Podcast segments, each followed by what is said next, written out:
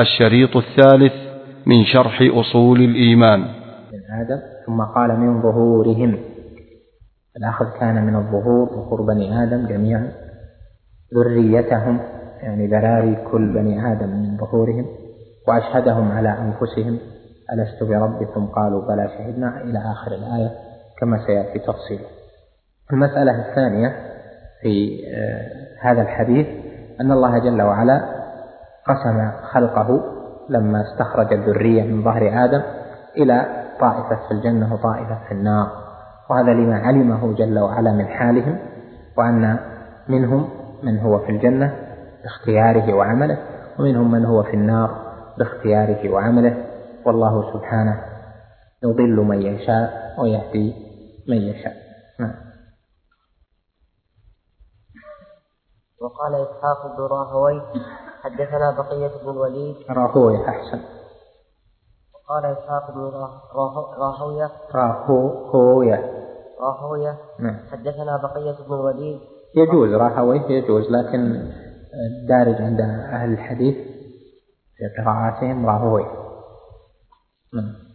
قال أخبرني الزبيدي محمد بن الوليد الراشد بن سعد عن عبد الرحمن بن أبي قتادة عن أبيه عن هشام بن حكيم بن حزام أن رجلا قال يا رسول الله أتبتدأ الأعمال أم قد قضي القضاء؟ قال إن الله لما أخرج ذرية آدم من ظهره أشهدهم على أنفسهم ثم أفاض بهم في كفيه. فقال هؤلاء للجنة وهؤلاء للنار فأهل الجنة ميسرون لعمل أهل الجنة وأهل النار ميسرون لعمل أهل النار. هذا في أقول في معنى الأحاديث السابقة. نكتفي بهذا. غيره عندنا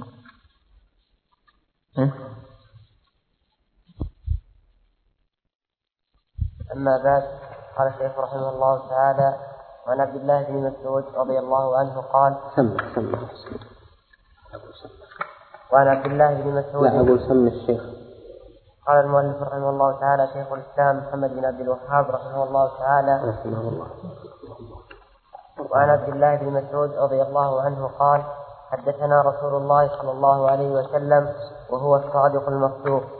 إن أحدكم يجمع خلقه في بطن أمه أربعين يوما نطفة ثم يكون علقة مثل ذلك ثم يكون مضغة مثل ذلك ثم يبعث الله إليه ملكا بأربع كلمات فيكتب عمله وأجله ورزقه وشقي أو سعيد ثم ينفخ فيه الروح فوالذي لا إله غيره إن أحدكم ليعمل بعمل أهل الجنة حتى ما يكون بينه وبينها إلا ذراع فيسبق عليه الكتاب فيعمل بعمل أهل النار فيدخلها.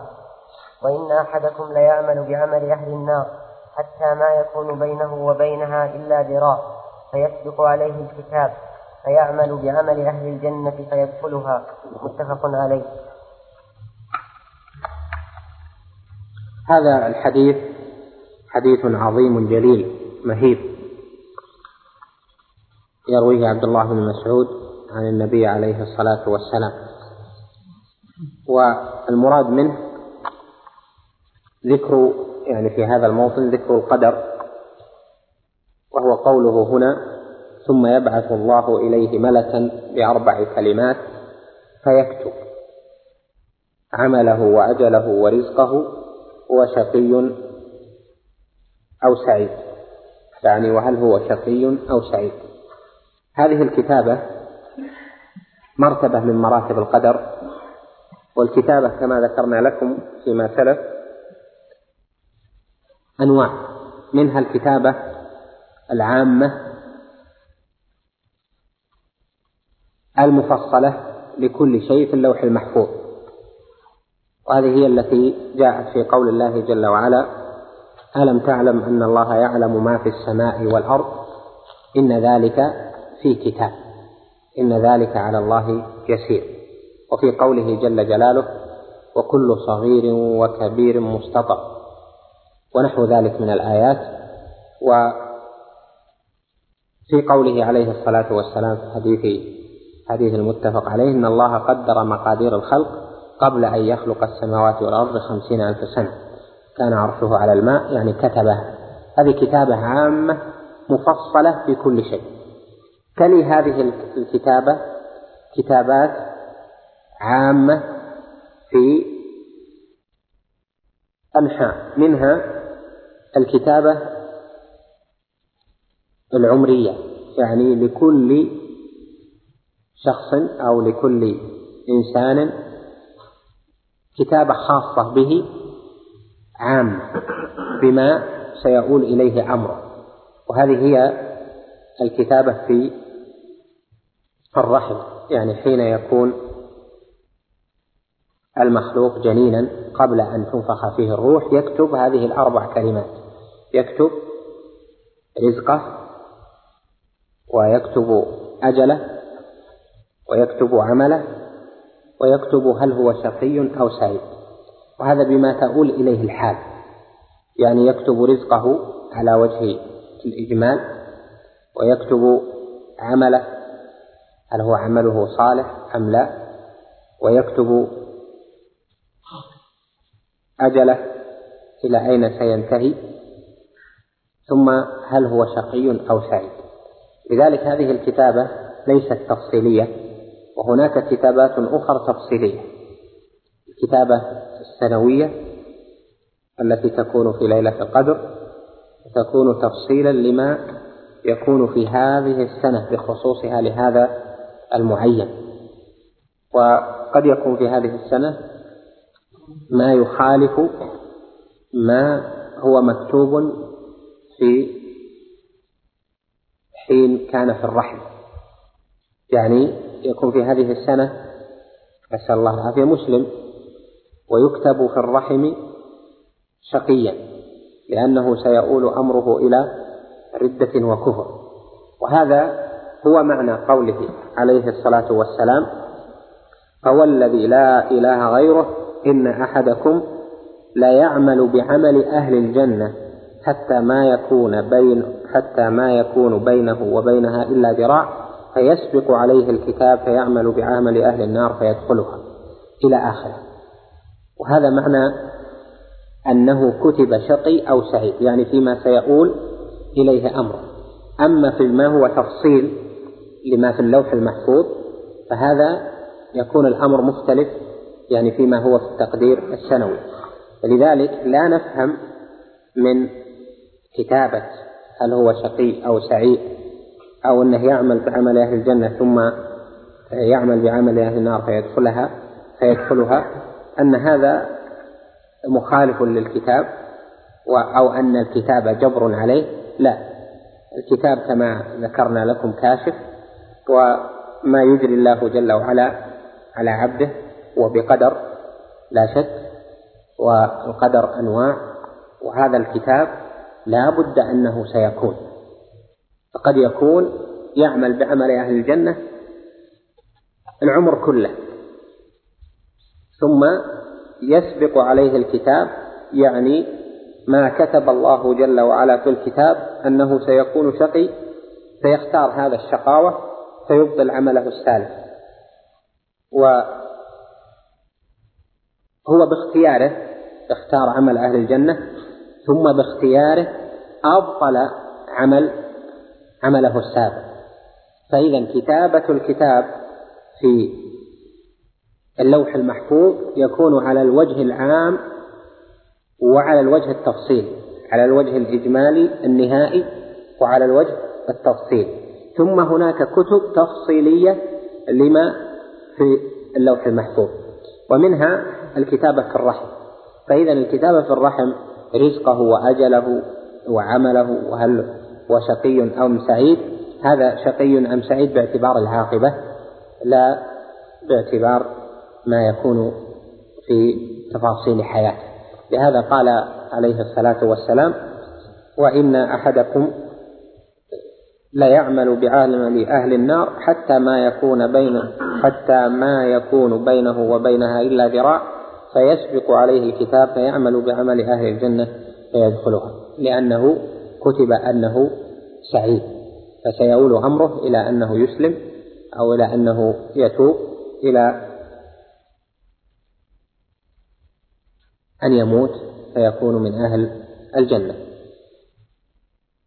فإذا الحديث هذا حديث عبد الله بن مسعود حديث عظيم فيه تقرير مسائل كثيرة من مسائل القدر وأهمها مسألة الكتابة العمرية وأن الله جل وعلا يبعث إليه ملكا فيكتب هذه الأمور على وجه الإجمال.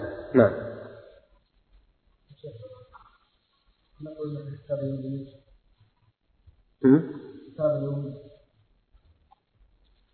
هذه قالها جمع من أهل العلم.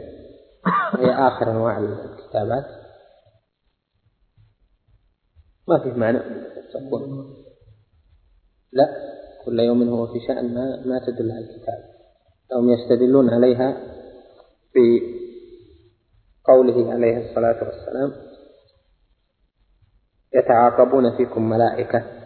بالليل وبالنهار إلى آخر الحديث. وبقوله كراما كاتبين يعني في ما يكتبون من عمل الإنسان في كل يوم فيطابقون بينه وبين ما هو موجود في اللوح المحفوظ في فيما في أيديهم من الصحف. لأن الكتابة السنوية هي في الواقع كتابة يومية مجموعة. يعني في اليوم الفلاني سيحصل كذا وفي اليوم الفلاني سيحصل كذا إلى آخر هذه الكتابة السنوية. ثم بالنسبة للمكلف يكون تفاصيل الكتابة السنوية العامة للمكلفين أو للمخلوقات تكون بأيدي الملك المتوكل بالعبد. واضح؟ فلذلك قال جماعة من أهل العلم إن الكتابة تسمى كتابة يومية كتفصيل للكتابة السنوية. هذه اللي فيها التغيير. المحو والإثبات والشروط إلى آخره. يمحو الله ما يشاء ويثبت. نعم. وعن حذيفة بن أسيد رضي الله عنه يبلغ أسيد.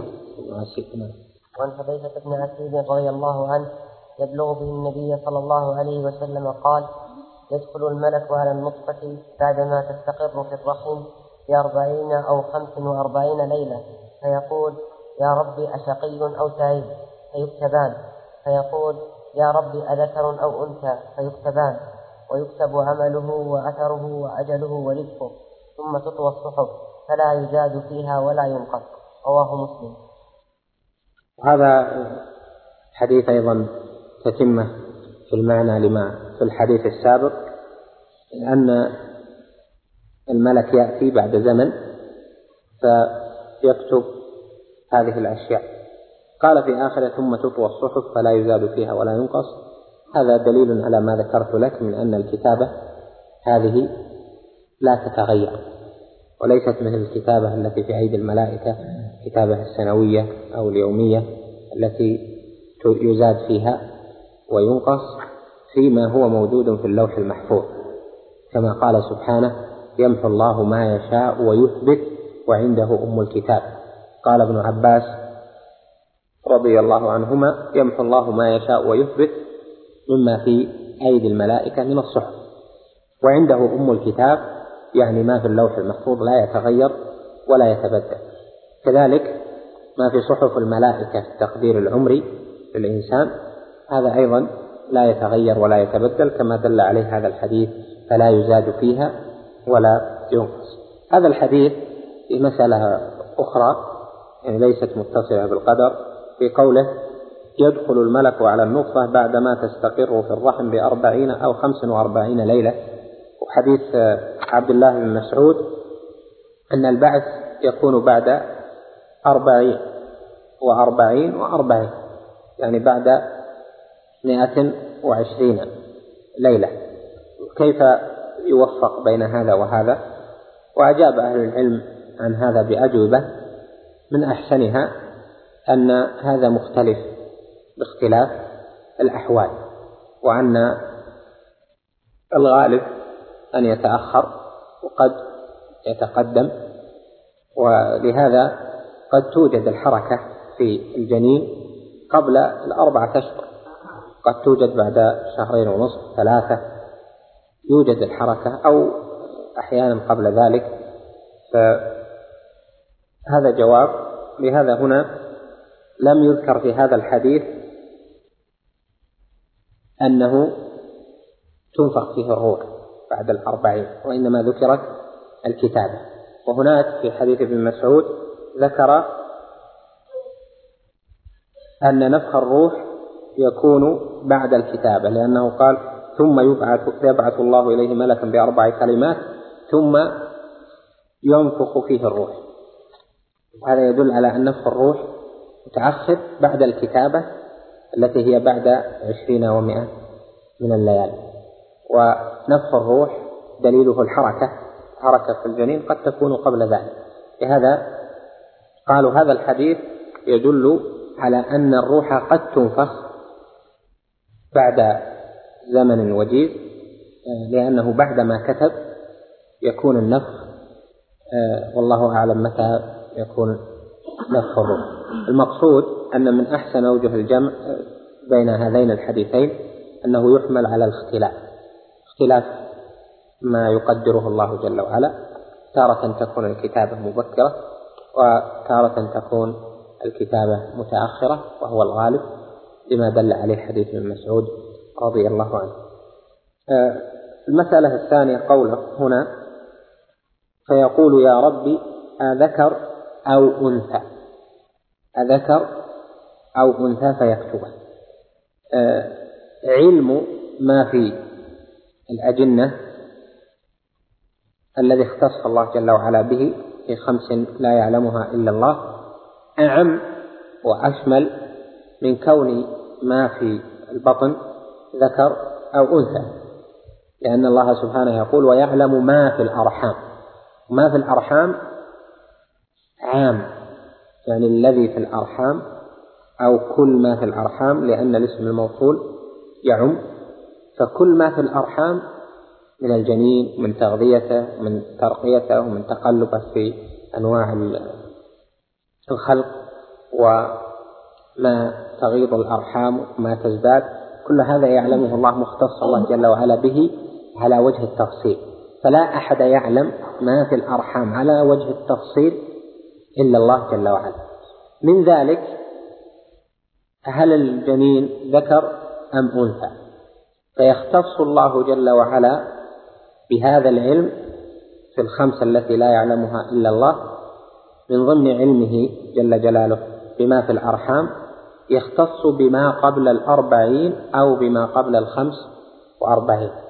لأن هنا قال أن الملك يعلم وإذا كان الملك يعلم فخرج عن الاختصاص في خمس لا يعلمها إلا الله. فيعلم الملك بعد الوحي والأمر بالكتابة هل هو ذكر أم أنثى. فما هو بعد ذلك؟ لا يدخل إذن في الاختصاص لأنه خرج بالخمس وأربعين ليلة عن اختصاص عن اختصاص الله جل وعلا. بعلمه هل هو ذكر أم أنثى. فعلم الملك فإذا لم يكن أمرا غيبيا مختصا بالله جل وعلا. ولهذا اللي في الجنين أبو بكر رضي الله عنه صح عنه أنه كان نظر إلى بطن امرأته فقال فيها أنثى. وذكر عن جماعة من الصالحين وأهل العلم أنهم عندهم كشف علمي بما يلهمهم الله جل وعلا فيعلمون ما في الرحم يعني بعد مدة فيقول فيه ذكر أو أنثى ومعلوم أن هذا بعد الاستبانة استبانة المخلوق في البطن. مثل ما هو حاصل الآن من بعض الأجهزة الطبية يصورون فيعلمون هل هو ذكر أو أنثى بالصورة بدلائل وجود علامة الذكورة في فرج الجنين وعلامة الأنوثة كذلك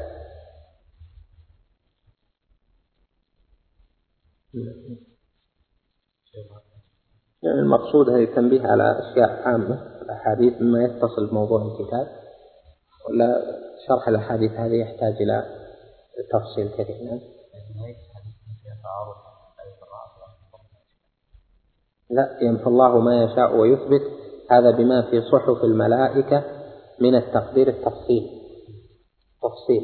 أما التقدير العمري فهو إجمالي. مثل ما في اللوح المحفوظ. لا يزاد فيه ولا ينقص. كما قال وعنده أم الكتاب. يعني أصل الكتاب الذي هو اللوح المحفوظ. زاد. بسم الله الرحمن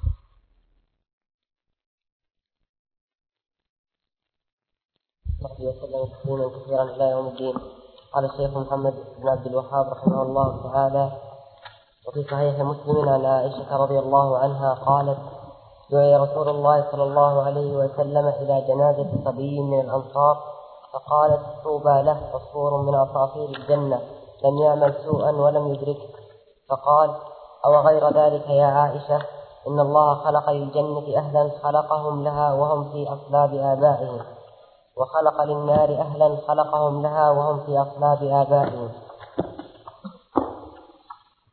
نعم وعن ابن عمر رضي الله عنهما قال قال رسول الله صلى الله عليه وسلم كل شيء بقدر حتى العد والكيس رواه مسلم.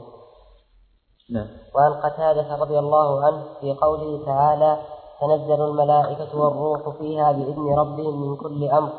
قال يقضى فيها ما يكون في السنة إلى مثلها. رواه عبد الرزاق وابن جرير. وقد روي معنى ذلك عن ابن عباس رضي الله عنهما والحسن وأبي عبد الرحمن السلمي وسعيد بن جبير ومقاتل. وعن ابن عباس رضي الله عنهما قال إن الله خلق لوحا محفوظا من درة بيضاء دفتاه من ياقوتة حمراء قلمه نور وكتابه نور أرضه ما بين السماء والأرض. أرضه ما بين السماء والأرض ينظر فيه كل يوم ثلاثمائة وستين نظرة ففي كل نظرة منها يخلق ويرزق ويحيي ويميت ويعز ويعز ويذل ويفعل ما يشاء. فذلك قوله تعالى كل يوم هو في شأن. رواه عبد الرزاق وابن المنذر والطبراني والحاكم. قال ابن القيم رحمه الله تعالى لما ذكر هذه الأحاديث وما في معناها قال فهذا تقدير يومي والذي قبله تقدير حولي والذي قبله تقدير عمري عند تعلق النفس به والذي قبله كذلك عند أول تخريقة وكونه مضغة والذي قبله تقدير سابق على وجوده لكن بعد خلق السماوات والأرض والذي قبله تقدير سابق على خلق السماوات والأرض بخمسين ألف سنة. وكل واحد من هذه التقادير كالتفصيل من التقدير السابق. وفي ذلك دليل على كمال علم الرب وقدرته وحكمته وزيادة تعريفه الملائكة وعباده المؤمنين بنفسه وأسمائه. ثم قال فاتفقت هذه الأحاديث ونظائرها على أن القدر السابق لا يمنع العمل ولا يوجب الاتكال عليه بل يوجب الجد والاجتهاد. ولهذا لما سمع بعض الصحابة ذلك قال ما كنت بأشد اجتهادا مني الآن. وقال أبو عثمان النهدي بسلمان أبو عثمان. أبو عثمان النهدي بسلمان لأنا بأول هذا الأمر أشد فرحا مني بآخره وذلك لأنه إذا كان قد سبق له من الله سابقة وهيأه ويسره للوصول إليها كان فرحه, فرحه بالسابقة التي سبقت له التي سبقت له من الله أعظم من فرحه بالأسباب التي, التي تأتي بعدها. هذه الأحاديث دلت على ما ذكرها ابن القيم رحمه الله من تنوع التقدير تقدير سابق عام تقدير عمري تقدير سنوي تقدير يومي إلى آخره. وهذه سبق الكلام عليها مفصلا في ما مضى. والمقصود منها أن قدر الله جل وعلا عام وأن كل شيء يحصل فهو بقدر الله حتى العجز والكيس. يعني حتى ما تعجز عنه فهو بقدر وحتى ما تدركه وتعقله هو أيضا بقدر لعموم قوله سبحانه إنا كل شيء خلقناه بقدر ولعموم قوله سبحانه وخلق كل شيء فقدره تقديرا. وهذا التقدير العام والتقدير التفصيلي يدل على عموم مشيئته جل جلاله وعلى شمول قدرته وأنه سبحانه على كل شيء قدير. وهذا يجمع مراتب القدر الأربعة التي ذكرناها لكم. مرتبة العلم الشامل لكل شيء. السابق أزلي الأول مرتبة الكتابة في اللوح المحفوظ كتب مقادير كل شيء سبحانه قبل أن يخلق السماوات والأرض بخمسين ألف سنة. وأنه سبحانه ما شاء كان وما لم يشاء لم يكن وأنه على كل شيء قدير. وأنه خلق كل شيء جل جلاله. ولهذا عرف بعض أهل العلم القدر كما ذكرنا لكم بما يجمع تلك المراتب في قوله إن القدر هو علم الله المحيط بالأشياء قبل حصولها علم الله المحيط بالأشياء علم الله الأول أو علم الله الأزلي المحيط بالأشياء وكتابته لها في اللوح المحفوظ وعموم مشيئته عموم قدرته جل وعلا وخلقه للأشياء وأن ما شاء كان وما لم يشاء لم يكن. أو نحو ذلك مما يجمع المراتب الأربعة.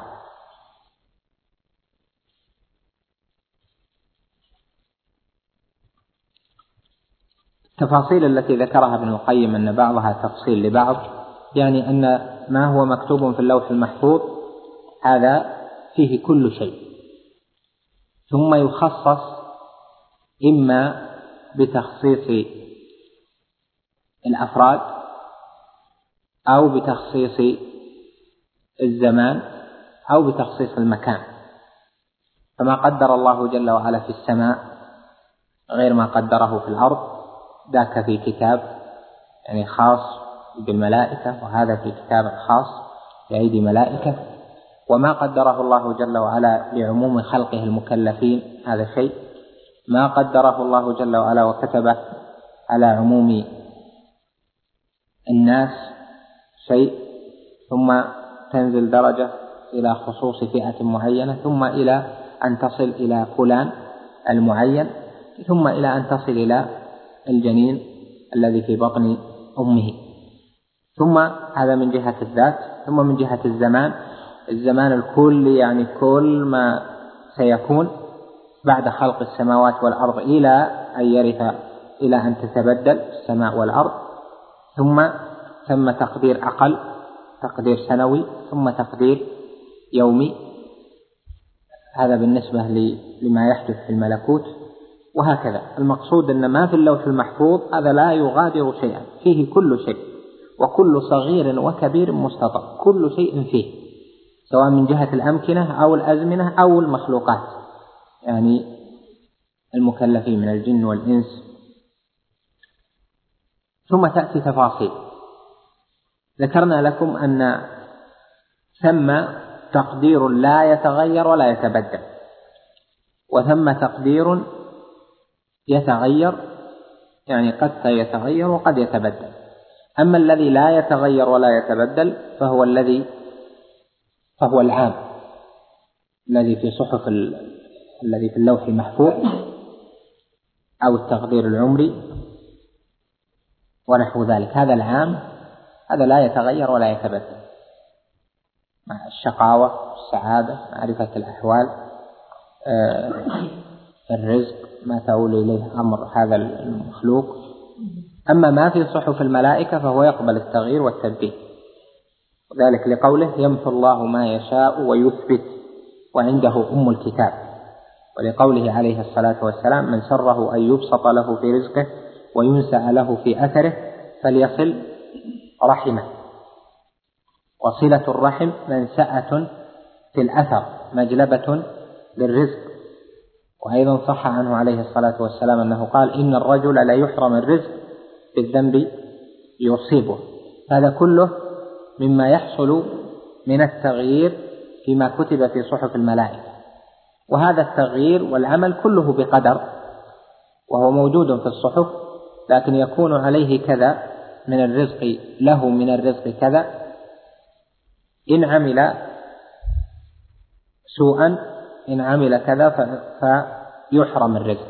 فيكون إذا السبب والمسبب والنتيجة كلها موجودة في ذلك. فيمحو الله جل وعلا من صحف الملائكة ما يشاء ويثبت فيها ما يشاء لأن فيها كل شيء. كذلك من المسائل التي دلت عليها هذه الأحاديث أن تقدير في ليلة القدر التي قال الله جل وعلا فيها إنها ليلة مباركة.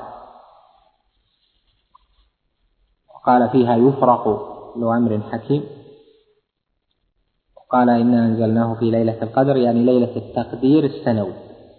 وليلة القدر هذه في رمضان وليست هي ليلة النصف من شعبان.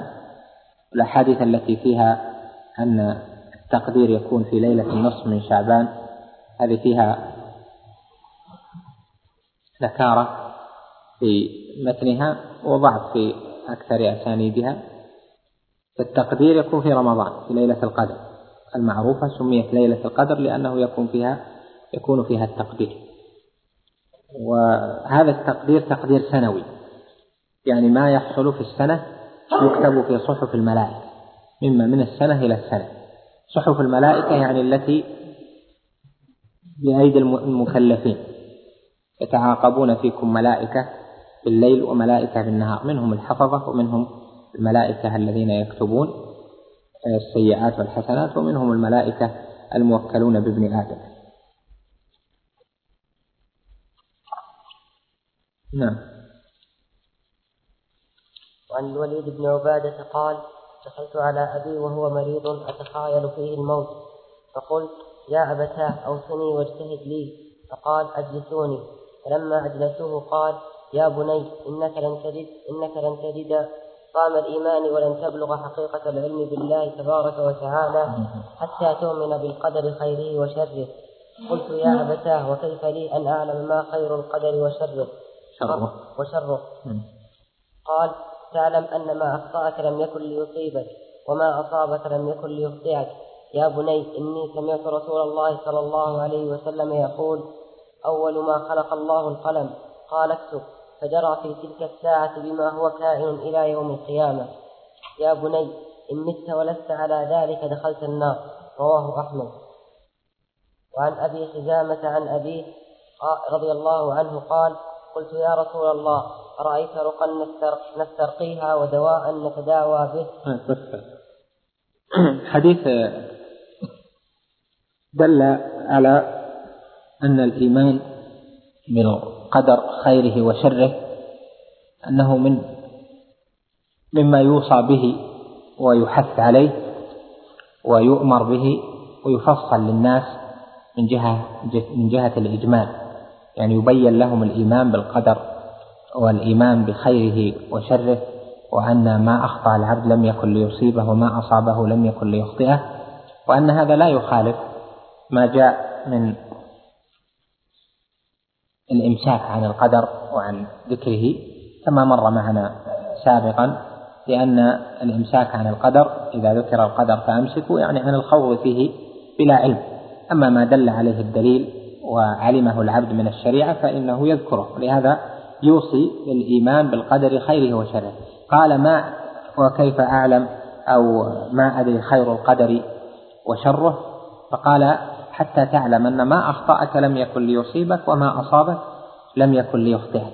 هذه هي الحقيقة. يعني ما أصابك ما أخطأك لا يمكن أن كان يصيبك لأن الله جل وعلا لم يقدر. وكذلك ما أصابك لم يكن ليخطئك وما أخطأك لم يكن ليصيبك. فالجميع بقدر الله جل وعلا. قوله هنا بالقدر خيره وشره الخيرية هنا والشر كما هو معلوم بالإضافة إلى العبد. أما القدر في نفسه يعني المضاف إلى الله جل وعلا الذي هو تقدير الله هذا صفة الله فعل الله جل وعلا. وأفعال الله سبحانه وتعالى لا يضاف إليها الشر لأن الشر ليس إلى الله جل وعلا لا وصفا ولا فعلا سبحانه وتعالى. فإذا يقال الإيمان بالقدر خيره وشره يعني شره بالنسبة للعبد وخيره بالنسبة للعبد. أما حقيقة القدر فهو خير وموافق للحكمة. والمقاصد الحكيمة للرب جل جلاله.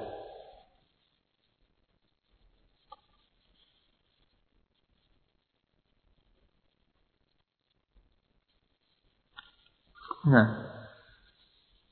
وعن أبي حزامة عن أبيه رضي الله عنه قال قلت يا رسول الله رأيت رقا نسترقيها ودواء نتداوى به وتقاتا نتقيها هل ترد من قدر الله شيئا؟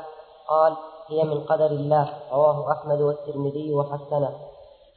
في الحديث الذي قبله قال أول ما خلق الله القلم قال له اكتب. كذا لفظه؟ أول ما خلق الله القلم قال له اكتب. أول هنا بمعنى حين. أول ما خلق الله يعني حين خلق الله القلم قال له اكتب. يعني أنه لما خلق كان أول ما قيل للقلم اكتب. ما هو كائن إلى قيام الساعة.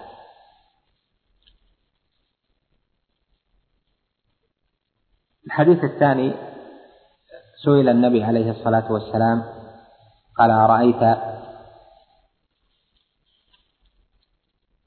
رقا نسترقيها. ودواء نتداوى به هل ترد من قدر الله شيئا؟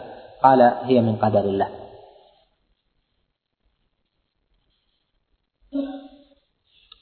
القدر يشمل كل شيء.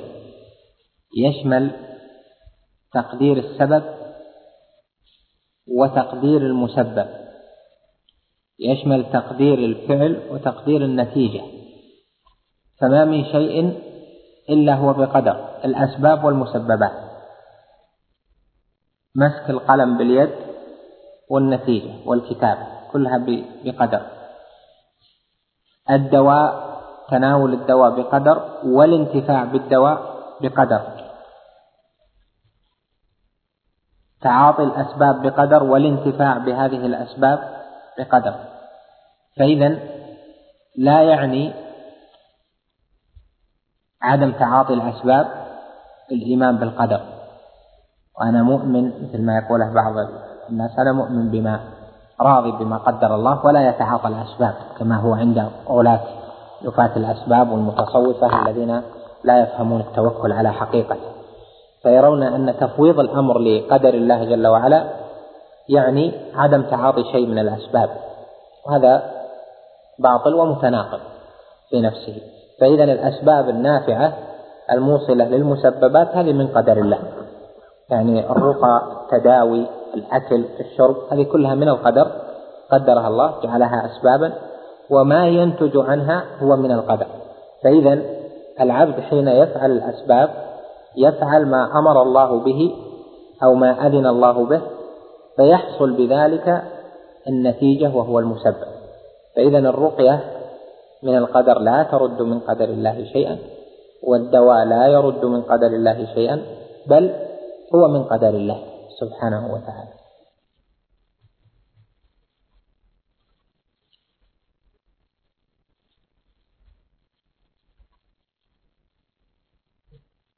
نعم.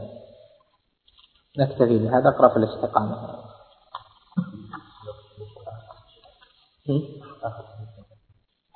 آخر حديث في إيش؟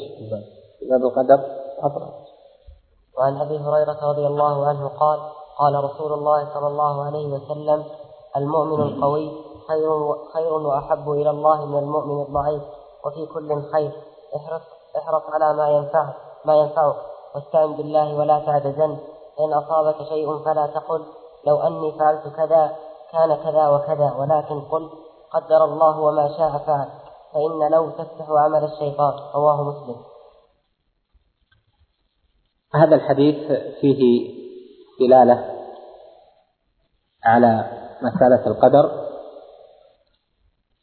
من جهة قوله ولكن قل قدر الله وما شاء فعل فإن تفويض الأمر لمشيئة الله جل وعلا هذا من من الإيمان بالقدر وقول العبد قدر الله يعني قضى الله جل وعلا بهذا الشيء وما شاء فعل. وهذا يدل على عموم قدر الله وعموم مشيئته سبحانه. قوله المؤمن القوي خير وأحب إلى الله من المؤمن الضعيف وفي كل خير. القوة هنا تشمل القوة الإرادية والقوة الإيمانية والقوة البدنية. فالمؤمن القوي خير وأحب إلى الله من المؤمن الضعيف. يعني إذا كان مؤمنا قويا في بدنه فهو خير وأحب إلى الله من المؤمن الضعيف. وذلك لأن قوته فيها إعانة له على الإيمان والجهاد والعلم والأمر بالمعروف والنهي عن المنكر إلى آخر ذلك. وكذلك القوة في العلم.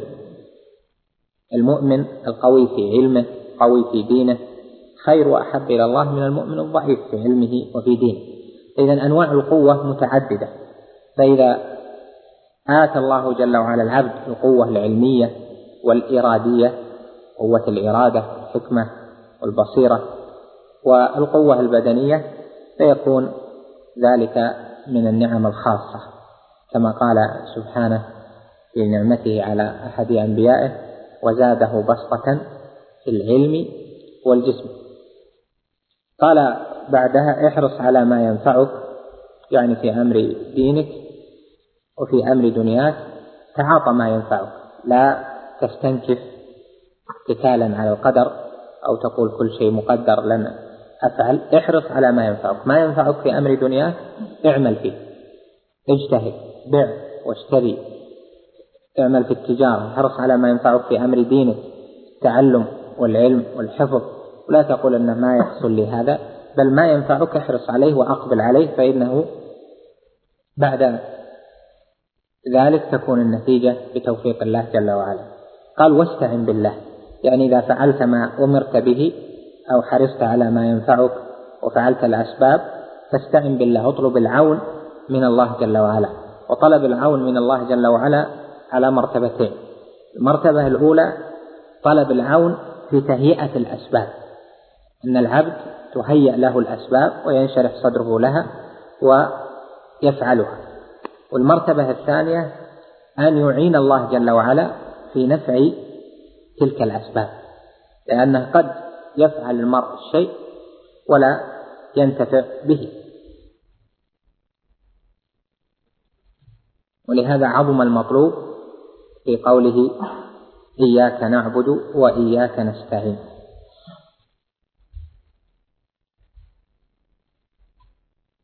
قال فإن أصابك شيء فلا تقل لو أني فعلت كذا لكان كذا وكذا ولكن قل قدر الله وما شاء فعل فإن لو تفتح تفتح عمل الشيطان هذا بحثه معروف لديكم فيما هو مبسوط في شرح كتاب التوحيد. إذ بوب عليه الشيخ ما جاء في اللو وتلخيص المسألة أن لو إذا جاءت تحسرا على الماضي على شيء وقع في الماضي مما يسوء العبد فإنها تفتح عمل الشيطان. وأما إذا كانت في المستقبل أو في تقدير الخير في الماضي لا تحسرا ولكن في تقدير خير على أمر قضاه الله وانتهى. يقول لو أني فعلت كذا يعني كان أحسن. لو أني فعلت ما صار لي كذا لو أني فعلت كان ما جاءني كان أفضل لي من هالحالة ونحو ذلك. فهذه إذا كان التحسر على الماضي ففيها اعتراض على القدر وكل شيء بقدر الله جل وعلا. ولذلك صارت لو في الماضي تحسرا تفتح عمل الشيطان.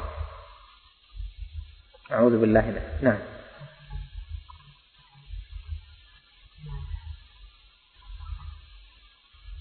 تفتح عمل الشيطان على القلب وهو سوء الظن بالله. لو أطاعونا ما ماتوا وما قتلوا سوء الظن بالله. وتفتح عمل الشيطان في آه، إضعاف النفس حزنها ويأسها. تفتح عمل الشيطان في التحسر على ما فات وأن العبد لو فعل أشياء كان يمكن أن تصده عن أشياء.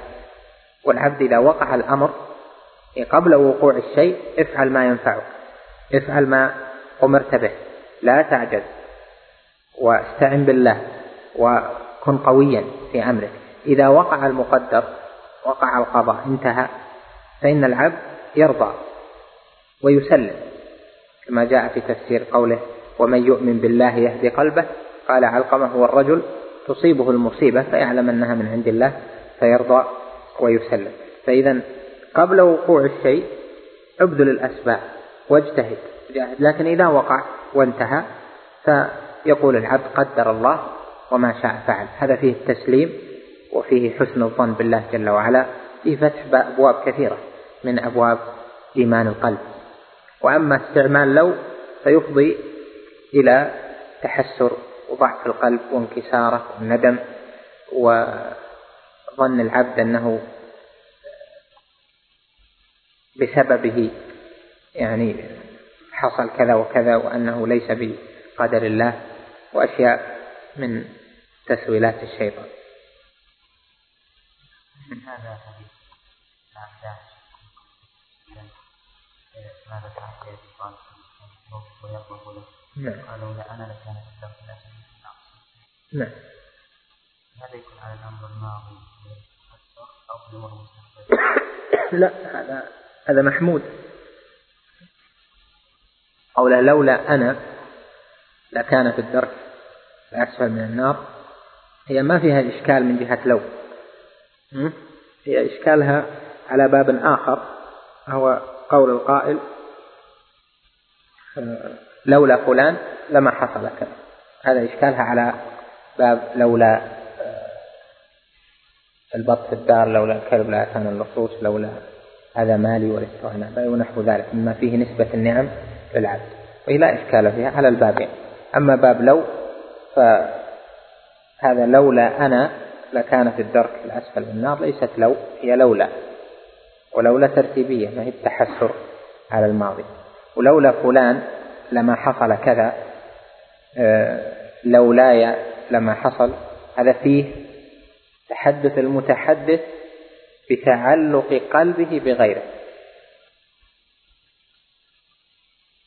إذا قال العبد لولا فلان ما لولا الطبيب كان أنا صار لي كذا وكذا لولا السائق فعل بكذا. لولا فلان كان أنا ما وظفت ونحو ذلك. هذه فيها تعلق القلب بهذا الشخص ممن حدثت له النعمة. أولا آه هذا ممن حدثت له النعمة والحديث لولا أنا لكان في الدرك الأسفل من النار ومن المتفضل بهذه النعمة وهو وهي الشفاعة وافترقت الجهتان. قلب اللي يقول لولا فلان ممن أنعم عليه قلبه متعلق بذاك وقوله لولا أنا لكان هذا تفضل وليس تعلق بأبي طالب تفضل. والأمر الثاني أن قوله لولا هذا راجع إلى إلى الشفاعة. لولا أنا لكان في الدرك الأسفل راجع إلى الشفاعة والدعاء. والمنهي عنه في لولا ليس هو باب الدعاء وإنما هو باب إضافة النعم لغير الله جل وعلا.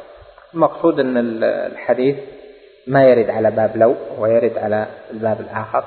أعطيتك ملخص الكلام. جواب الإشكال من جهة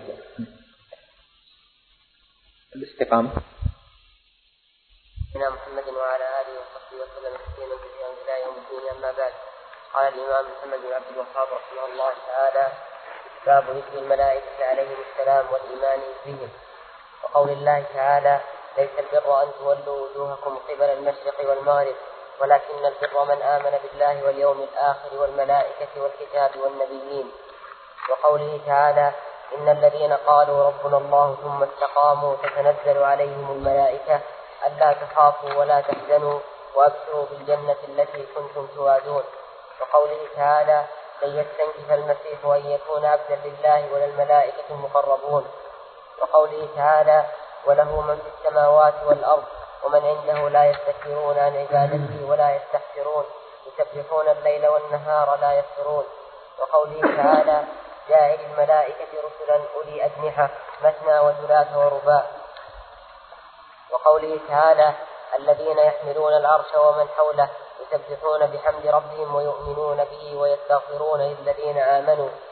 الآية وعن عائشة رضي الله عنها قالت قال رسول الله صلى الله عليه وسلم خلقت الملائكة من نور وخلق الجان من مارج من نار وخلق آدم مما وصف لكم رواه مسلم. وثبت في بعض أحاديث المعراج أنه صلى الله صلى الله عليه وسلم رفع له البيت المعمور الذي هو في السماء السابعة. وقيل السادسة بمنزلة الكعبة في الأرض وهو بحياء الكعبة حرمته في السماء كحرمة الكعبة في الأرض. وإذا هو يدخله كل يوم سبعون ألف ملك ثم لا يعودون إليه آخر ما عليهم. وعن عائشة رضي الله عنها قالت قال رسول الله صلى الله عليه وسلم ما في السماء موضع, موضع قدم إلا عليه ملك ساجد أو ملك قائم. فذلك قول, قول الملائكة وإنا لنحن الصافون وإنا لنحن المسبحون رواه محمد بن نصر وابن أبي حاتم وابن, جر وابن جرير وأبو الشيخ. وروى الطبراني عن جابر بن عبد الله رضي الله عنهما قال قال رسول الله صلى الله عليه وسلم ما في السماوات السبع موضع, موضع قدم ولا شبر ولا كف إلا وفيه ملك قائم أو ملك ساجد أو ملك راكع. فإذا كان يوم القيامة قالوا جميعا سبحانك ما عبدناك حق عبادتك ألا إلا أنا لم نشرك بك شيئا. وعن جابر رضي الله عنه قال قال رسول الله صلى الله عليه وسلم أذن لي أن أحدث عن ملك من ملائكة الله من حملة العرش ما بين شحمة أذنه إلى عاتقه مسيرة سبع سبعمائة عام. رواه أبو داود والبيهقي في الأسماء والصفات والضياء في المختارة. ومن سادتهم جبرائيل عليه السلام وقد وصفه الله تعالى بالأمانة وحسن الخلق والقوة فقال تعالى علمه شديد القوى ذو مرة فاستوى. ومن شدة قوته أنه رفع مدائن قوم لوط عليه السلام وكن سبعا بمن فيهن من الأمم وكانوا قريبا من أربعمائة ألف وما معهم من الدواب والحيوانات وما لتلك المدائن من الأراضي والعمارات. على طرف جناحه حتى بلغ بهن عنان السماء حتى سمع حتى سمع سمعت الملائكة نباح كلابهم وصياح ديكتهم ثم قلبها فجعل عاليها سافلها فهذا هو شديد القوى. وقوله الحمد لله. وبعد.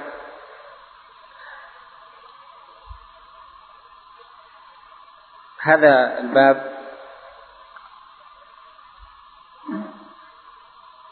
معقود لبيان ركن من أركان الإيمان وأصل من أصوله العظام ألا وهو الإيمان بملائكة الله جل وعلا. فإن الإيمان أن تؤمن بالله وملائكته وكتبه ورسله وباليوم الآخر وبالقدر خيره وشره من الله تعالى. والإيمان بالملائكة ركن لا يصح إيمان أحد إلا بأن يؤمن بالملائكة. يعني بأن الملائكة موجودون كما أخبر الله جل وعلا وأنهم عابدون لا يعبدون. وهذا القدر واجب وركن وهذا هو القدر المجزئ من الإيمان. فمن لم يؤمن بذلك وهو الإيمان بوجود الملائكة والإقرار بأنه تم من خلق الله ملائكة اصطفاهم جل وعلا. والثاني أنهم عابدون لا يعبدون وأنهم بأمر الله يعملون. هذا القدر لا بد منه في الإيمان لأن هذا معنى وجود الملائكة. في أن الإيمان بالملائكة في الإيمان بوجودهم وب أنهم يعبدون الله جل وعلا وأنهم لا يعبدون. لفظ الملائكة جمع هو جمع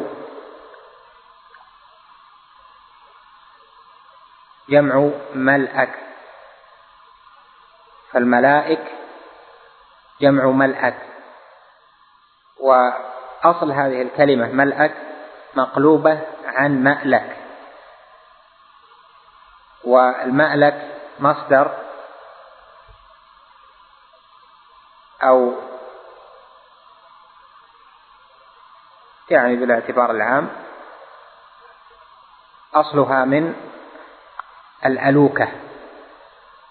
والألوكة هي الرسالة وفعلها آلك يألك. آلوكة يعني أرسل برسالة خاصة وبمهمة خاصة. فإذا الكلمة راجعة إلى معنى الإرسال. فالملائكة من لفظها من من لفظها اللغوي معناها المرسلون برسالة خاصة والقائمون بمهمة خاصة. فلذلك في الإيمان بالاسم لمن يعقل معنى الاسم فيه ذكر المرتبتين اللتين ذكرتهما له في الإيمان الإيمان بالوجود والإيمان بالعمل. هذا موجود في الاسم لمن يعقل اللفظ العربي. والملائكة خلق من خلق الله جل وعلا خلقهم من نور كما جاء في حديث عائشة الذي رواه مسلم خلقت الملائكة من نور. فهم أنوار أرواح مطهرة مكرمة جعلها الله جعلهم الله جل وعلا عنده. يعني أنه جعلهم في السماء. فأصل مقامهم في السماء. وقد يوكلون بأعمال في الأرض فينزلون بأمر الله جل وعلا. تنزل الملائكة والروح فيها بإذن ربهم من كل أمر ونزل به الروح الأمين يعني أن أصل مكانهم في السماء كما أن أصل مكان الجن والإنس في في الأرض. الملائكة الكلام عن ما يتعلق بهم فيما جاء في النصوص كثير وألفت فيهم بعض المؤلفات وهي مبسوطة في كتب أهل العلم بالتفسير والحديث. قد ساق الإمام المصلح رحمه الله في هذا الموضع في هذا الموضع جملا كثيرة من تعداد الملائكة ومن صفتهم وبعض ما يتصل بذلك. فيمكن أن نقول إن يعني في جمل بحث الملائكة أن الملائكة من حيث خلقهم خلق عظيم يعني في الصفة. وأنهم أنوار يعني خلقوا من نور لا يراهم الإنسان بعينه المجردة لكن إن كشف عنه الغطاء رأى كما قال سبحانه فكشفنا عنك غطاءك فبصرك اليوم حديد. فالإنسان على بصره غطاء يعني حدود يرى بها. لكن بالموت إذا كشف عنه الغطاء أو كشف الله عنه الغطاء البشري في الدنيا لأنبيائه ورسله فإنهم يرون ما لا يرى غيرهم فيرى الملائكة على صورتهم التي خلقهم الله جل وعلا عليها. كما ثبت في الصحيح أن النبي عليه الصلاة والسلام قال رأيت جبريل على صورته مرتين له ستمائة جناح قد سد الأفق.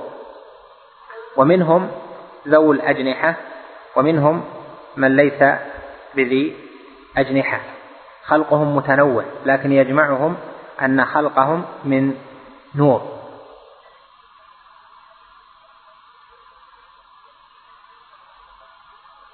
الملائكة منهم ثلاثة كرمهم الله جل وعلا وجعلهم سادة الملائكة وهم جبرائيل وميكائيل وملك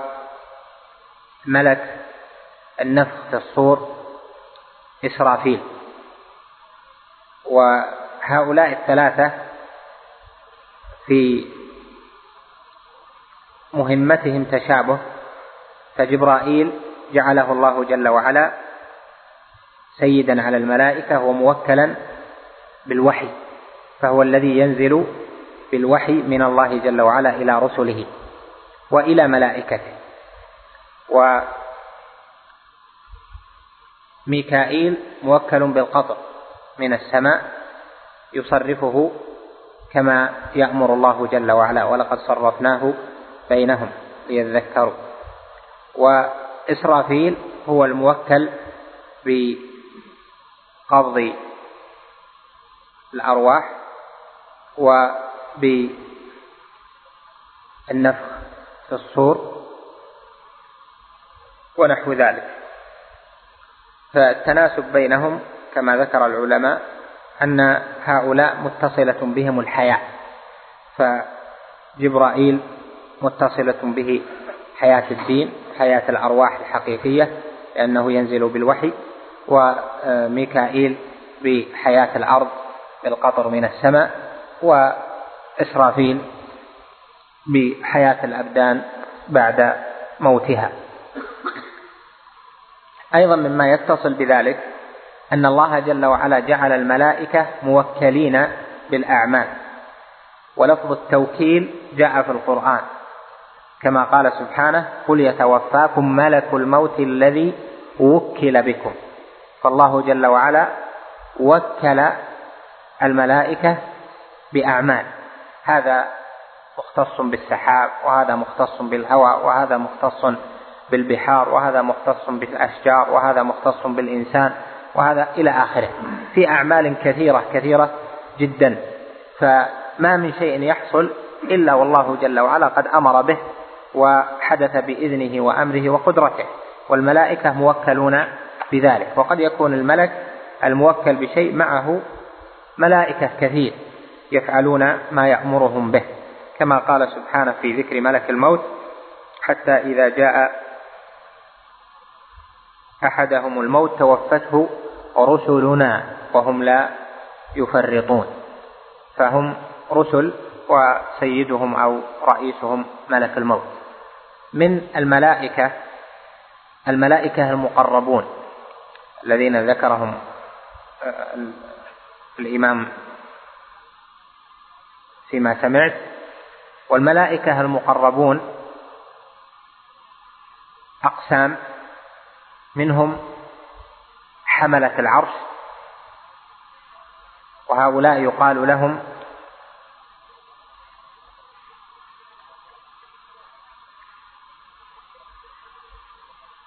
الكروبيون في بعض ما جاء في آثار السلف وسموا بالكروبيين لأجل ما يعلوهم من الكرب من حمل العرش وقربهم من الله جل جلاله وخوفهم منه سبحانه وشدة فزعهم وكثرة فزعهم من الله جل وعلا.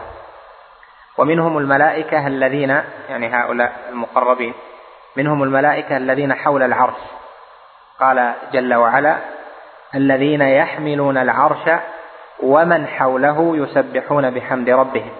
وبعض العلماء يجعل الحملة العرش ومن حوله جميعا يدخلون في اسم الكروبيين.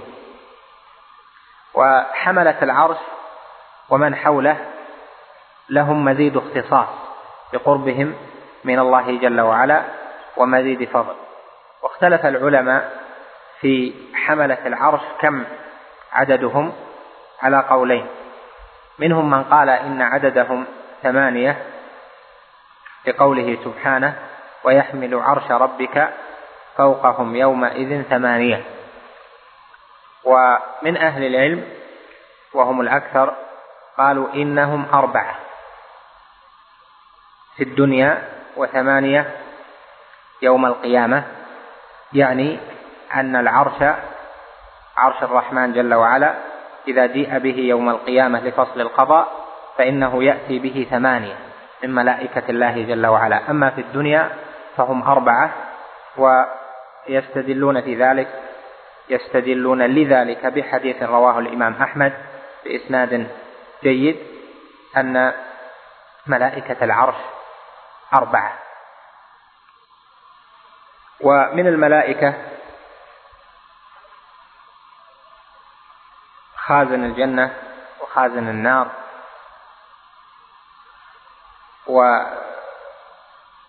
الملائكة ملائكة موكلون بابن آدم منهم من يكتب ما يصدر منه ومنهم من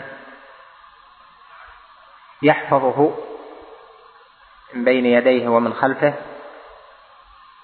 وهؤلاء هم المعقبات يتعاقبون على ابن آدم أربعة يتعاقبون فيهم يعني في المكلفين. والملائكة أنواع وأشكال كثيرة متنوعة في مهامهم. والمؤمن يؤمن بهؤلاء إجمالا على وجودهم. لا ينكر شيئا من ذلك وتفصيلا فيما علمه بالتفصيل.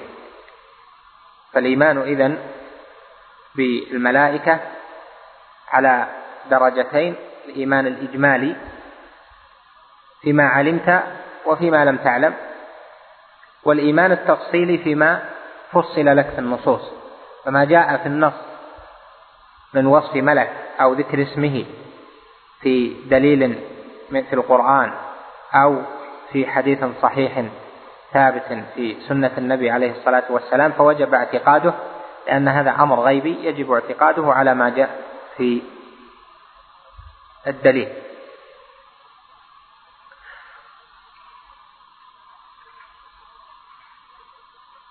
ولعلكم ترجعون إلى كتاب مختص بذكر الملائكة. وتطلعون على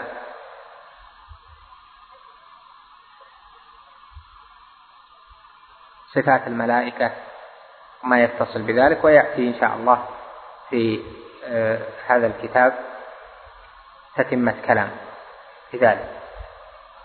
من آثار الإيمان بالملائكة يعني أن الإيمان بالملائكة إيمان المؤمن بالملائكة له آثار. على إيمانه ويقينه. منها أولا شدة تعظيمه لربه جل وعلا لأن معرفة المرء لأن إيمانه بالملائكة به يعلم عظمة الرب جل وعلا وأن هؤلاء الملائكة الذين عظم وصفهم وعظمت إحاطتهم وقدرهم بما أقدرهم الله جل وعلا وكثرة عددهم وتنوع خلقهم وصفاتهم فيه الإيمان بعظمة الله جل وعلا وشدة الخوف من الله جل وعلا ومعرفة والعلم بأسمائه وصفاته سبحانه وتعالى. فإذا كانت الملائكة يخافون ربهم من فوقهم فالعبد المؤمن يعلم أنه أحق بالخوف لأنه مكلف متعرض للطاعة وللذنب وأولئك مطهرون. وإذا علم أن الملائكة إذا سمعوا كلام الله جل وعلا أصابتهم صعقة ورعدة شديدة وصعقوا ثم يفزع عن قلوبهم فإنه يعلم حينئذ أن الملائكة مع شدة خلقهم وعظم وصفهم أنهم ينالهم ذلك فمع تقواهم لله جل وعلا ومع طاعتهم وأنهم ركع سجود يعملون بأمر الله لا يخالفونه فكيف بحال العبد المكلف الذي يخالف كثيرا ويعصي كثيرا ويغفل كثيرا؟ فإذا الأثر الأول العام هو الإيمان بعظمة الله جل وعلا وما يورثه الإيمان بالملائكة من خوف الله جل وعلا ومن الإنابة إليه. الثاني محبة الملائكة. فإن الملائكة مطهرون عباد مكرمون مطيعون لله موحدون لله. فبين الموحد وبين هؤلاء الموحدين الملائكة بينه وبينهم سبب وصلة ومحبة. ولذلك الملائكة يستغفرون لابن آدم يستغفرون لمن في الأرض. ويستغفرون لمن دعا لأخيه فبينهم وبين الموحد المؤمن محبة وكذلك المؤمن يحبهم ولذلك لا يرضى بالتعدي عليهم أو بادعاء أنهم وسطاء عند الله جل وعلا أو بأنهم بنات الله جل وعلا كما يدعيه المشركون تعالى الله عن قولهم علوا كبيرا. الملائكة من آثار الإيمان بالملائكة أيضا أن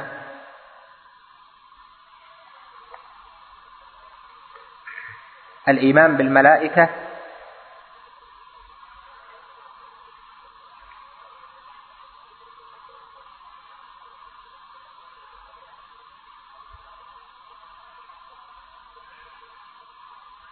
يعرف المؤمن الموحد.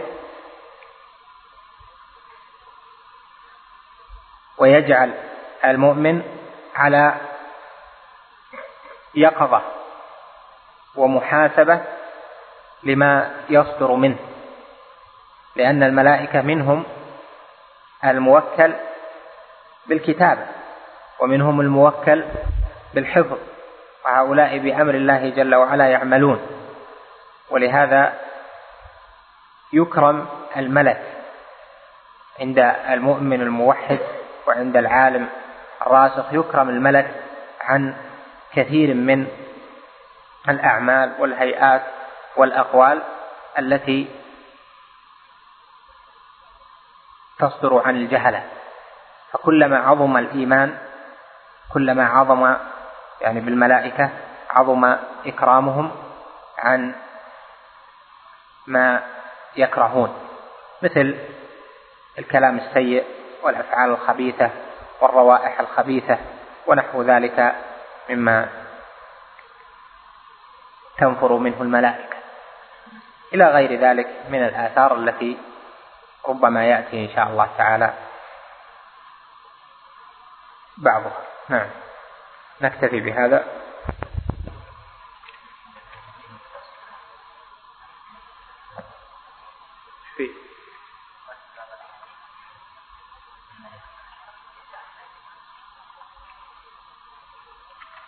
هو معنى جبريل نزل به الروح الأمين على قلبك. نزل به الروح الأمين على قلبك. إنا أنزلناه في ليلة القدر. إلى قالوا الروح فيها بإذن ربهم من كل أمر يعني بكل أمر. فالعلماء يقولون إن جبريل عليه السلام مختص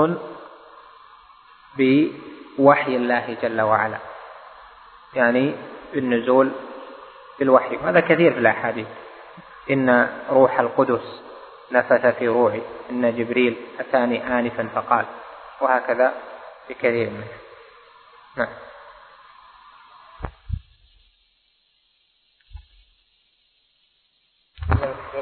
إلى يوم الدين أما بعد.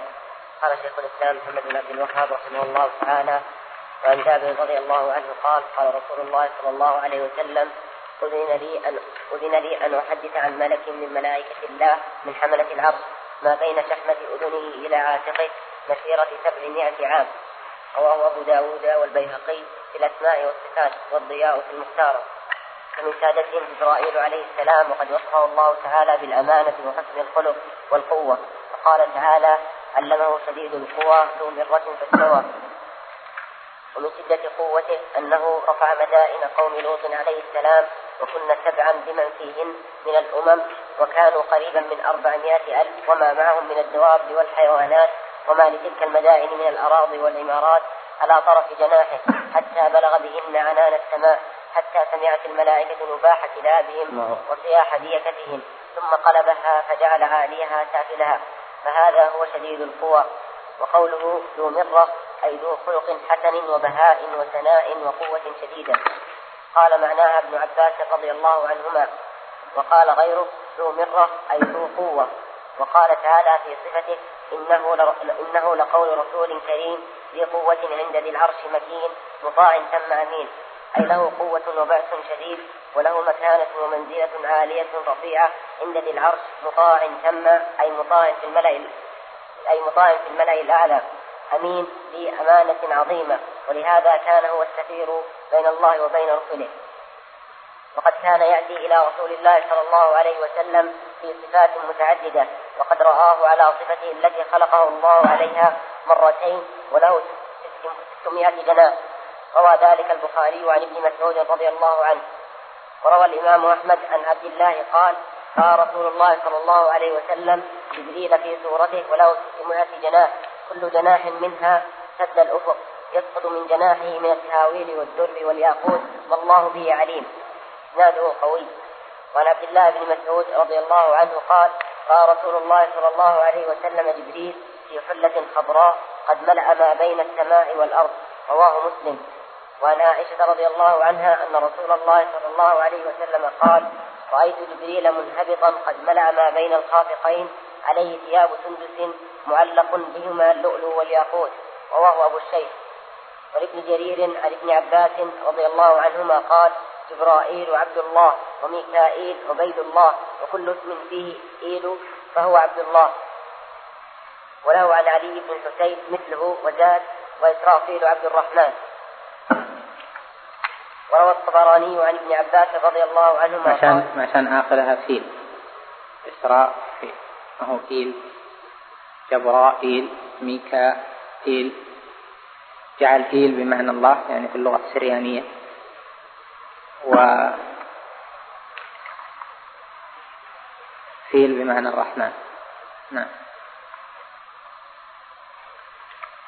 وروى الطبراني عن ابن عباس رضي الله عنهما قال قال رسول الله صلى الله عليه وسلم ألا أخبركم بأفضل الملائكة جبرائيل؟ وعن أبي عمران الجوني أنه بلغ أنه بلغه أن جبرائيل أتى النبي صلى الله عليه وسلم وهو يبكي. اللهم صل فقال له رسول الله صلى الله عليه وسلم ما يبكيك؟ قال وما لي لا أبكي. فوالله ما جفت لي عين منذ خلق الله النار. مخافة أن أعصيه فيقذفني مخافة أن أعصيه فيقذفني فيها. رواه الإمام أحمد في الزهد. الله أكبر. وللبخاري عن ابن عباس رضي الله تعالى عنهما قال قالت قال رسول الله صلى الله عليه وسلم لجبرائيل ألا تزورنا أكثر مما تزورنا؟ فنزلت وما نتنزل إلا بأمر ربك له ما بين أيدينا وما خلفنا. الآية. بين ذلك. ومن سادت ومن ساداتهم ميكائيل عليه السلام وهو موكل بالقطر والنبات. وروى الإمام من ساداتهم معنى السيادة هنا أنه معه من الملائكة من يأتمرون بأمره. يعني سيد بمعنى أنه يأمر وينهى. فجبرائيل سيد الملائكة يعني يأمرهم يأمر الملائكة. وميكائيل من سادات الملائكة لأنه يأمر. فمعنى سادات الملائكة يعني الملائكة الذين معهم جنود معهم أعوان ينفذون أمر الله جل وعلا بما وكل إليه. ملك الموت قل يتوفاكم ملك الموت الذي وكل بكم. إسرافيل. إسرافيل. مثل ما جاء في الحديث اللهم رب جبرائيل وميكائيل وإسرافيل. إسرافيل من سادة الملائكة وهو الموكل بالنفخ بالصور.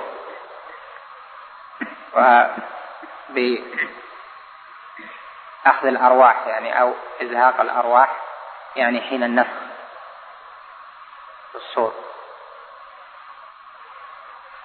أنه ينفخ نفخة الصعق فيموت. ثم ينفخ نفخة البعث فتعود الأرواح. فلم فملك الموت يقبض الأرواح ومستودعها مستودع الأرواح في الجنة وفي الصور عند إسرافيل. المقصود هذا معنى من ساداتهم. روى الإمام أحمد عن أنس رضي الله عنه أن رسول الله صلى الله عليه وسلم قال لجبرائيل ما لي لم أر ميكائيل ضاحكا قط. قال ما ضحك ميكائيل منذ خلقت النار. ومن ساداتهم إسرافيل عليه السلام وهو أحد حملة العرش وهو الذي ينفخ في الصور. روى الترمذي وحسنه والحاكم عن أبي سعيد الخدري رضي الله تعالى عنه قال قال رسول الله صلى الله عليه وسلم كيف أنعم وصاحب القرن قد التقم القرن وحنى جبهته وأبقى سمعه ينتظر متى يؤمر فينفخ؟ قالوا فما نقول يا رسول الله؟ قال قولوا حسبنا الله ونعم الوكيل على الله توكلنا. حسبنا الله ونعم الوكيل على الله توكل الله أكبر. نعم. وعن ابن عباس رضي الله تعالى عنهما أن رسول الله صلى الله عليه وسلم قال إن ملكا من حملة العرش يقال له إسرافيل زاوية زاوية من زوايا العرش زاوية من زوايا العرش على كاهله. قد مرقت قدماه في الأرض السابعة السفلى ومرق رأسه من السماء السابعة العليا. رواه أبو الشيخ وأبو نعيم في الحلية. وروى أبو الشيخ عن الأوزاعي قال ليس أحد من خلق الله أحسن صوتا من إسرافيل فإذا أخذت التسبيح قطع, قطع على أهل سبع سماوات صلاتهم وتسبيحهم. ومن ساداتهم ملك الموت عليه السلام ولم يجيء مصرحا باسمه في القرآن ولا في الأحاديث الصحيحة. وقد جاء في بعض الآثار تسميته بعزرائيل فالله أعلم. قاله الحافظ ابن كثير. وقال إنهم بالنسبة إلى ما هياهم له أقسام فمنهم حملة العرش ومنهم الكروبيون الذين هم الذين هم حول العرش وهم مع حملة العرش أشرف الملائكة وهم الملائكة المقربون. كما قال تعالى لن يستنكف المسيح أن يكون عبدا لله ولا الملائكة المقربون. ومنهم سكان السماوات السبع يأمرونها عبادة دائمة ليلا ونهارا صباحا ومساء. كما قال تعالى يسبحون الليل والنهار لا يفترون ومنهم الذين يتعاقبون إلى البيت المعمور.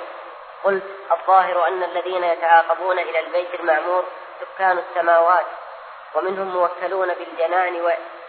بالجنان وإعداد الكرامات لأهلها وتهيئة الضيافة لساكنيها من ملابس ومآكل ومشارب ومصاغ ومساكن وغير, وغير ذلك. مما لا عين رأت ولا أذن سمعت ولا خطر على قلب بشر. ومنهم الموكلون بالنار أعاذنا الله منها وهم الزبانية ومقدموهم تسعة عشر وخازنها مالك. وهو مقدم وهو, وهو مقدم على الخزنة. وهم المذكورون في قوله تعالى وقال الذين في النار لخزنة جهنم ادعوا ربكم يخفف عنا يوما من العذاب. وقال تعالى ونادوا يا مالك ليقض علينا ربك. قال إنكم ماكثون. وقال تعالى عليها ملائكة غلاظ شداد لا يعصون الله ما أمرهم ويفعلون ما يؤمرون. وقال تعالى عليها تسعة عشر وما جعلنا أصحاب النار إلا ملائكة إلى قوله وما يعلم جنود ربك إلا هو. ومنهم الموكلون بحفظ بني آدم كما قال تعالى له معقبات من بين يديه ومن خلفه يحفظونه من أمر الله. قال ابن عباس ملائكة يحفظونه من بين يديه ومن خلفه فإذا جاء أمر الله خلوا عنه. وقال مجاهد ما من عبد إلا وملك موكل بحفظه في نومه ويقظته من الجن والإنس والهوام فما منها شيء يأتيه فما منها شيء يأتيه يريده, يريده إلا قال له وراءك إلا شيء يأذن الله تعالى فيه فيصيبه. ومنهم الموكلون بحفظ أعمال العباد كما قال تعالى إذ يتلقى المتلقيان عن اليمين وعن الشمال قعيد ما يلفظ من قول إلا لديه رقيب عتيد. وقال تعالى وإن عليكم لحافظين كراما كاتبين يعلمون ما تفعلون. روى البزار عن, عن ابن عباس رضي الله عنهما قال قال رسول الله صلى الله عليه وسلم إن الله ينهاكم عن التعري فاستحيوا من ملائكة الله الذين معكم الكرام الكاتبين. الذين لا يفارقونكم إلا عند إحدى ثلاث حالات الغائط والجنابة والغسل فإذا اغتسل أحدكم بالعراء فليستتر بثوبه أو أو بجدم حائط أو بغيره. قال الحافظ ابن كثير ومعنى إكرامهم أن أن أن أن يستحي منهم أن يستحي من منهم. فلا يملي عليهم الأعمال القبيحة التي يكتبونها. فإن الله خلقهم كراما في خلقهم وأخلاقهم. ثم قال ما معناه؟ إن من كرمهم أنهم لا يدخلون بيتا فيه كلب ولا صورة ولا جنب ولا تمثال ولا يصحبون رفقة معهم كلب أو أو جرس. وروى مالك والبخاري ومسلم عن أبي هريرة رضي الله عنه أن رسول الله صلى الله عليه وسلم قال يتعاقبون فيكم ملائكة بالليل وملائكة بالنهار ويجتمعون في صلاة الفجر وصلاة العصر ثم يعرج ثم يعرج إليه الذين باتوا فيكم فيسألهم وهو أعلم. كيف تركتم عبادي؟ فيقولون تركناهم وهم يصلون وأتيناهم وهم يصلون. وفي رواية أن أبا هريرة قال اقرأوا إن شئتم وقرآن الفجر إن قرآن الفجر كان مشهودا. وروى الإمام أحمد ومسلم حديث ما اجتمع قوم في بيت من بيوت الله يتلون كتاب الله ويتدارسونه بينهم إلا نزلت عليهم السكينة وغشيته وغشيته وغشيتهم الرحمة وحفتهم الملائكة وذكرهم الله في من عنده. ومن بطأ به عمله لم يسرع به نسبه وفي المسند والسنن حديث إن الملائكة لتضع أجنحتها لطالب العلم رضا بما يصنع. والأحاديث في ذكرهم عليهم السلام كثيرة جدا. رحمه الله تعالى. هذه الأحاديث المتنوعة منها ما هو صحيح الإسناد ومنها ما لا يصح. وأهل العلم إذا أتوا إلى أصل من الأصول في تقريره فإنهم يسوقون ما في الباب من الأحاديث كما هي طريقة أهل العلم الراسخين فيه من المتقدمين والمتأخرين. قال شيخ الإسلام ابن تيمية في أحد أجوبته على منهج أهل الحديث قال وأهل الحديث لا يستدلون بحديث ضعيف في أصل من الأصول بل إما في تأييده أو في فرع من الفروع أو كما قال. يعني أنه لا يفترح أصل بحديث ضعيف لا يثبت وإنما إذا كان الأصل ثابتا فإنها فإن منهج أهل الحديث أنها تساق الأحاديث سواء منها ما صح أو ما لم يصح إسناده تأييدا لذلك الأصل وبيانا لكثرة ما ورد في ذلك لأن الحديث الضعيف قد يكون صحيحا وإنما حكمنا بضعفه لسوء حفظ راويه أو لانقطاع فيه أو نحو ذلك رعاية وحماية لكلام المصطفى صلى الله عليه وسلم وإلا فقد يكون صحيحا. ولذلك إذا كان في أصل من الأصول فإنه يؤيد به.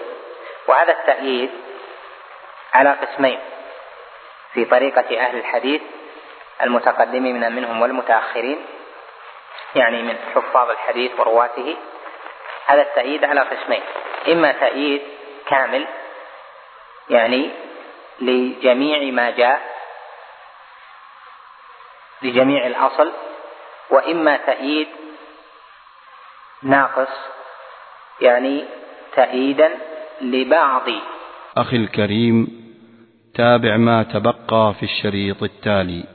مع تحيات مركز الوسائل بوزارة الشؤون الإسلامية والأوقاف والدعوة والإرشاد بالمملكة العربية السعودية.